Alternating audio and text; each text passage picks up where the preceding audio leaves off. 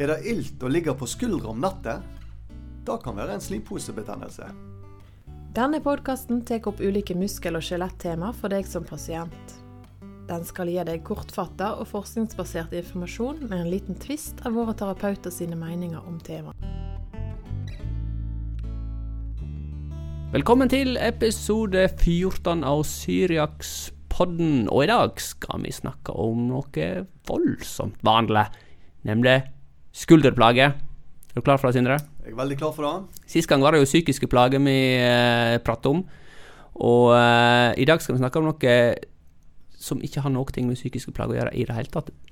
Nemlig skulderplager og smerte gjerne når du ligger på skulderen om natta. Det er ganske vanlig. Det er jo sånn i eh, skulderen at uh, det som er vanlig, det er vanlig, og det som er uvanlig, er ganske uvanlig. Ja, hva mener du med det? Nei, at det de uh, det, det, er ikke så veldig mange diagnoser egentlig vi vanligvis ser på på hva er klinikken. diagnoser ser vi helst, da? Ja, det tenkte jeg skulle spørre deg om, men ja. uh, nei, men nå spør jeg deg. Du spør meg. Ok, ja, Da ville jeg sagt at uh, det som jeg ser mest av, er kanskje um, senebetennelse. Ja. På den uh, Er det ei scene, eller? Ja, det er jo den uh, supraspinatus senus han Mm. heter, som er vel den som oftest, oftest ser problemer med. Det er et kult navn, da. Ja, supraspinatus. Det høres litt sånn Ja. flott ut. Litt Litt supert. Ja, supert. Mm. Og så er det jo Eh, det som vi kaller frossenskulder, er ganske vanlig. Ja, Der hadde vi en egen podkast. Det er for øvrig den eh, klart mest eh, populære podkastepisoden vi har hatt. Den, eh, den er lasta ned flest ganger. Så Ja. det er tydeligvis eh, mange som har. Ja, det virker jo sånn. Ja. Og så er det jo denne bursitten, eller slimposebetennelsen, som vi snakker om i dag, som Ja. er ganske vanlig. Og den syns jeg òg ofte kommer i kombinasjon med litt seneforandringer i senene. I Ja. supraspinatus seno, f.eks. Ja, for da har vi jo egentlig snakket eh, ikke så voldsomt mye om, da.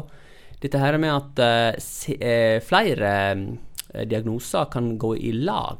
Og for meg liker jeg jo å si at ja, du har en slimposebetennelse, eller du har en frossen skulder, eller du har en, har en senebetennelse. For da, og nå skal vi gjøre slik og slik, dette du skal bli bra, dette blir tommel opp. Men eh, det som er verre, er å si til pasienten at ja, du har litt slimposebetennelse, men så har du òg ei sene her som er sliten, og der har du òg ei sene som forresten er rivna litt, grann, og betennelse midt imellom det, og jeg tror det kommer til å ta en tolv måneder for deg bra. Ja, det er jo ikke så kjekt å, å komme med et sånt budskap. Det er ikke så kult. Men eh, dessverre, da, så eh, er det vanligere enn vi kanskje liker å, å si, da. Og så på, på den andre sida av eh, skalaen så har du jo de som har ganske mye rusk av forskjellig slag oppi skulderen med, med de samme tingene som, du- som du sier der, men Ja. som ikke har så vondt. da. Nei, og det er jo voldsomt eh, interessant fenomen, da, og at eh, det som ser ut som et eh, snøskred på eh, ultralydbildet, det trenger ikke være så gale for denne pasienten her, fordi han har ikke så ilt. Eller at han rett og slett ikke bryr seg så mye om det, som vi snakket om i episoden med psykisk helse. Det er bare rett og slett vel å si at ja, ja, eh, det ser ikke bra ut oppi her, men eh, jeg klarer meg godt, så dette skal gå fint. Ofte så tenker jo folk gjerne på senebetennelse når en eh, har vondt i skulderen. Men det er Ja. en annen eh, viktig struktur som er veldig vanlig å ha plager med fra skulderen, og det er nemlig Slimpåsebetennelse. Men det er jo et eh, voldsomt eh, ekkelt og ja, nasty navn. Hvorfor heter det slimpose? Ja, jeg har tenkt på det samme, at det høres, det høres litt ekkelt ut, men det er jo den, Denne slimposen er rett og slett som en flattrykt ballong som, eh, med litt væske inni, et lite væskesjikt, som gjør at, eh, at det blir veldig lite friksjon i denne slimposen. Og så er den eh, ofte eh, ligger den plassert mellom sene og beinutspring, eller mellom to muskellag som, eh, som beveger seg i forhold til hverandre. Og da, for å få minst mulig friksjon i eh, området da, så har vi en slimposebetennelse der. Ja, da er det en betennelse i Ja. slimpåsen, da, for han er vel eh, Han finnes vel, selv om du er frisk. Nemlig. Det er jo det han gjør. Så, så det er jo normalt å ha det, men uh, vi kaller det en slimposebetennelse når den uh, begynner å gjøre vondt. Ja, og denne her slimpåsen oppi skulderen, den er voldsomt vanlig, men har vi slimpåser andre plasser i kroppen, eller? Ja, vi har uh, veldig mange av de overalt i kroppen. Så, og det, jeg, jeg, har ikke tall på dem, men det må nå være titalls og gjerne hundre. Mm. Og de fleste de klarer vi oss godt med gjennom hele livet uten at de nødvendigvis gjør ilt. Ja. Det... Men så ligger det da én oppi skulderen som ligger voldsomt utsatt tid, da. Ja, Og det har jo litt med anatomien òg på skulderleddet å gjøre. Ja, det er jo litt interessant. Uh, dette må vi jo høre litt mer om. Uh, hva er det du tenker på da, med at anatomien Altså, Hva er anatomi for noe, da? Ja, Anatomi det er jo egentlig bare delene som kroppen er bygd opp av. Og så er det da læro om disse delene, da. Ja, og Hva er det så spesielt med skulderen, da? Ja, skulderen er litt spesiell med det at uh, selve leddskålet er ganske liten.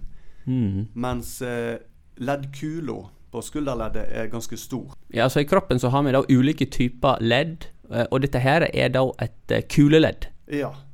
Og i og med at kula er veldig stor og leddskålen er veldig liten, så medfører at eh, leddet i utgangspunktet er ganske ustabilt. Men òg Veldig mobilt. Nettopp. Sånn at Det gjør jo at du kan løfte skulderet høyt over hodet og vri den i forskjellige retninger. Um, ja, for ja. det har du kanskje ikke tenkt på før, at skulderen er voldsomt mobil. Altså Du kan bevege den i mange retninger. Mm. Altså, det er det klart mest mobile leddet i hele kroppen. Ja, og for at, det, at dette her skal ha en viss stabilitet, så kreves da en ekstra innsats av senene som ligger tett inn på leddkula. Ja, for ofte så er det vel leddbånd som gir stabilitet. Ja. Det Men det har ikke vi så mye av i skulderen. Mm. Og da, eh, da, blir disse her scenene jobbende mye, og eh, det fører jo ofte til at en får senebetennelse i skulderen. da. Ja. Og mellom disse her scenene, der ligger da denne slimposen og hindrer friksjon. Og så kan det være at det da i en periode av livet eller av uh, belastningsrelatert, eller at det bare er god gammeldags uflaks, så kan du få for mye belastning på denne slimposen, og da hovner den ofte opp og blir betent. Mm. Og hvordan, eh, ser det ut for en pasient? Hvordan er den smerten? Ja, smerten, eh, Det som er litt utfordrende, er at smerten ofte kan minne om det samme, samme type smerten og samme område som når du har en senebetennelse. Ja, Det ligner voldsomt, egentlig. Ja, sånn ja. at uh, Kan du ha begge deler, kanskje? Da har en jo ofte òg. Ja. Uh, og det har jo litt med at uh, skulderledd er veldig utsatt for, for skader. For det er jo sånn, Edgar, at til og med du og meg vil jo ikke i utgangspunktet kunne bare ja, kunne si om det er en senebetennelse eller en slimpose vi sjøl har. Nei. Hvis vi bare skal kjenne på hvor vi har vondt. Nei da. Smerten er jo ganske lik. Mm. Men, uh, men, det er vel ofte da en uh, smerte som uh, kommer når du på en måte komprimerer skulderen, hvis du forstår hva jeg mener med det. Altså når du på en måte lager litt dårlig plass oppi skulderen ved f.eks. å ligge på skulderen om natta. Mm. Da kan du da uh, framprovosere smerten. Eller hvis du har skulderen din rett ut, altså armen din rett ut fra sida. Mm, når du begynner å løfte den. sant? Ja, når du løfter armen rett ut i sida, og den står 90 grader rett ut fra kroppen, i den posisjonen så er det trangest i skulderen, og da er det ofte at en har ilter. Mens hvis en tar armen opp rett over hodet, så er det mer plass. Og hvis du har armen rett ned, så er det mer plass der òg. Så um, det er i hvert fall uh, typisk. da, Nattesmerte, ligge på, på natta og ha armen rett ut fra sida. Men det kan òg være ved generell bruk. Fordi at når du bruker eh, musklene og senene i skulderen, så trykker du på en måte på slimposen. Og hvis den er litt hoven, så blir det et plassproblem igjen. Dette snakket vi jo litt om i den episoden med Eirik Solheim, ortopeden, som hadde med oss før i uh, i en episode her, om at uh, han mente da at uh, dette med dårlig plass i skulderen, det var kanskje et litt større problem enn uh, mange var klar over. For er det dårlig plass, så er det sånn at en mekanisk da må nesten lage litt bedre plass hvis den skal bli helt bra. Mm. Ja, så det er jo òg et alternativ når det gjelder å, å behandle en sånn slimpose. En kan, kan faktisk til sist fjerne den for å ta vekk betent Ja, på en operasjon, ja. Ja, ja. Det som er interessant, da, er at hvis du opererer den vekk, fjerner den slimposen, så vil det faktisk ikke gå så veldig lang tid før han eh, er tilbake igjen. At, at, kroppen nærmest produserer en, en ny eh, slimpose der. Fordi at det, der trengs det et eller annet som eh, fungerer som støtdemper, i og med at det er såpass stor friksjon mellom senene akkurat der. Så det jeg sitter på pasienter at, som har fått han operert vekk, at han har kommet tilbake igjen. da, og, og, da kan han komme tilbake igjen enten som, eh, som eh, frisk, det gjør han jo som regel, eller så kan han faktisk bli betent på nytt igjen. da. Så det er jo eh, et interessant eh, fenomen. Det er ikke så mange andre ting eh, på kroppen som eh, vokser ut igjen. Det vokser ikke ut igjen en fot hvis du kapper av en fot. Nei, det gjør det jo ikke. Det er synd, da. ja, for sånn er, det, sånn er, det, vel med krabben, ikke det? da? Han ja, eller når det er firfisler eller et eller annet sånt, så har en hale som dette. Men det er, ikke, ja. det er et eller annet så, ja, et eller annet krypdyr som ja. har en hale som eh, Hvis han blir skremt, så detter han av, og så vokser det ut en ny uh, hale. Det hadde vært praktisk. Det hadde vært praktisk, ja. ja. Det Tenk på det. Nå er det jo ikke sånn at vi opererer så mye, du og meg da, Edgar. Hva pleier du å foreslå? Ja, når jeg, når jeg, ikke opererer, mener du? Ja. Nei da, jeg, jeg ble ikke operert så voldsomt mye på skuldrene. Men når jeg får inn en pasient som har en slimposebetennelse, så er det jo sånn at eh, vi har jo eh, vårt eh, elskede utstyr da, som heter ultralyd, eh, som vi skanner pasienten med. Og eh, da eh, får vi på en måte kikka inn i skulderen, da. Og da ser vi jo da at den vonde skulderen den har en hevelse i slimposen, altså da en sånn pose som er forstørra. Mens motsatt side, der, eh, der, er den normal, da. Og da, eh, da vet vi at, eh, at denne slimposen sannsynligvis er betent. Så på behandlingsfronten så er det jo sånn at eh, en kan prøve å trene styrke. En kan prøve å tøye. Men som regel så er det slik at de fleste skjønner at når det er en betennelse, så er det best å sette inn litt kortison. For når du setter inn litt kortison i slimposen, så vil jo denne betennelsen da eh, gå ned. For kortison det er jo ikke noe magisk eh, produkt. Det kortison gjør, det er at den dreper betennelse. Det er jo ikke noe mer avansert enn det. Og da er det jo òg fint at vi har ultralyd, for da kan vi da styre nåla inn akkurat inn i denne posten her, så ikke vi spruter kortison andre plasser i skulderen. Det er vi jo ikke interessert i. Du vil nå helst ha behandling der du har ilt, ikke andre plasser. Ja, og så er det jo òg eh, den kontrollen en kan uh, gjøre. Når folk kommer inn igjen, så ser, ser en da at uh, På andre gang, tenker ja, du på? Ja, mm. sant, når de kommer inn etter et par uker etter en injeksjon, så vil jo ofte denne her hevelsen i slimposen være redusert. og det er mindre blodgjennomstrømning òg. Ja. Som vi kan undersøke ved den dopplereffekten da, som vi, vi mm. har på ultralydapparatet. Og Det som mange ikke tenker på, da, hvis du har hatt en slimpåsebetennelse, du har fått behandling, så er det sånn at eh, du har nok sannsynligvis gått rundt og spart den skulderen en del. Fordi at eh, når du er sjuk eller du har vondt, så vil du alltid beskytte det området som er sjukt eller vondt. Det bare ligger i oss. Og Det betyr egentlig at du har brukt skulderen mindre enn du vanligvis eh, bruker den. Og da blir du rett og slett svakere. Eh, og Derfor så er det eh, voldsomt viktig etter behandling at du trener opp igjen de omkringliggende senene. Altså de senene som eh, omgir eh, slimposen, sånn at du får eh, opp styrken igjen. Ellers så kan det vel lett skje, det som dessverre skjer av og til, nemlig at en får tilbakefall. Da er vi inne på eh, en av de eh, grunnene til at folk gjerne utvikler sånne symptomer ifra, eh, Eller utvikler smerte fra slimposen. Det er nemlig det at skulderleddet er litt ustabilt. Og at en med årene blir litt svakere i musklene rundt skulderen, og at det blir en eh, større bevegelse i leddkula. Ja. Det er en del som har snakket om at det kan være en av årsakene til at en utvikler slimposebetennelse. Og Da vil jeg òg si at treningsbiten er ganske viktig for å forebygge at ting kommer tilbake igjen. Men uh, det jeg lurer litt på, da Vi driver til stadighet og prater om trening meg her og trening med der. Men hva er det egentlig du mener med trening, da, Sindre? Hva, hva, det er ikke å reise på joggetur, regner jeg med? Nei, Stilte skulder? Nei, sant. Hvis en har en slimposebetennelse, så hjelper det ikke å jogge eller gå tur i fjellet. Men da må en rett og slett jobbe med sjølve skulderen. Og da er det styrketrening som er er det det går i. Da er det benkpress.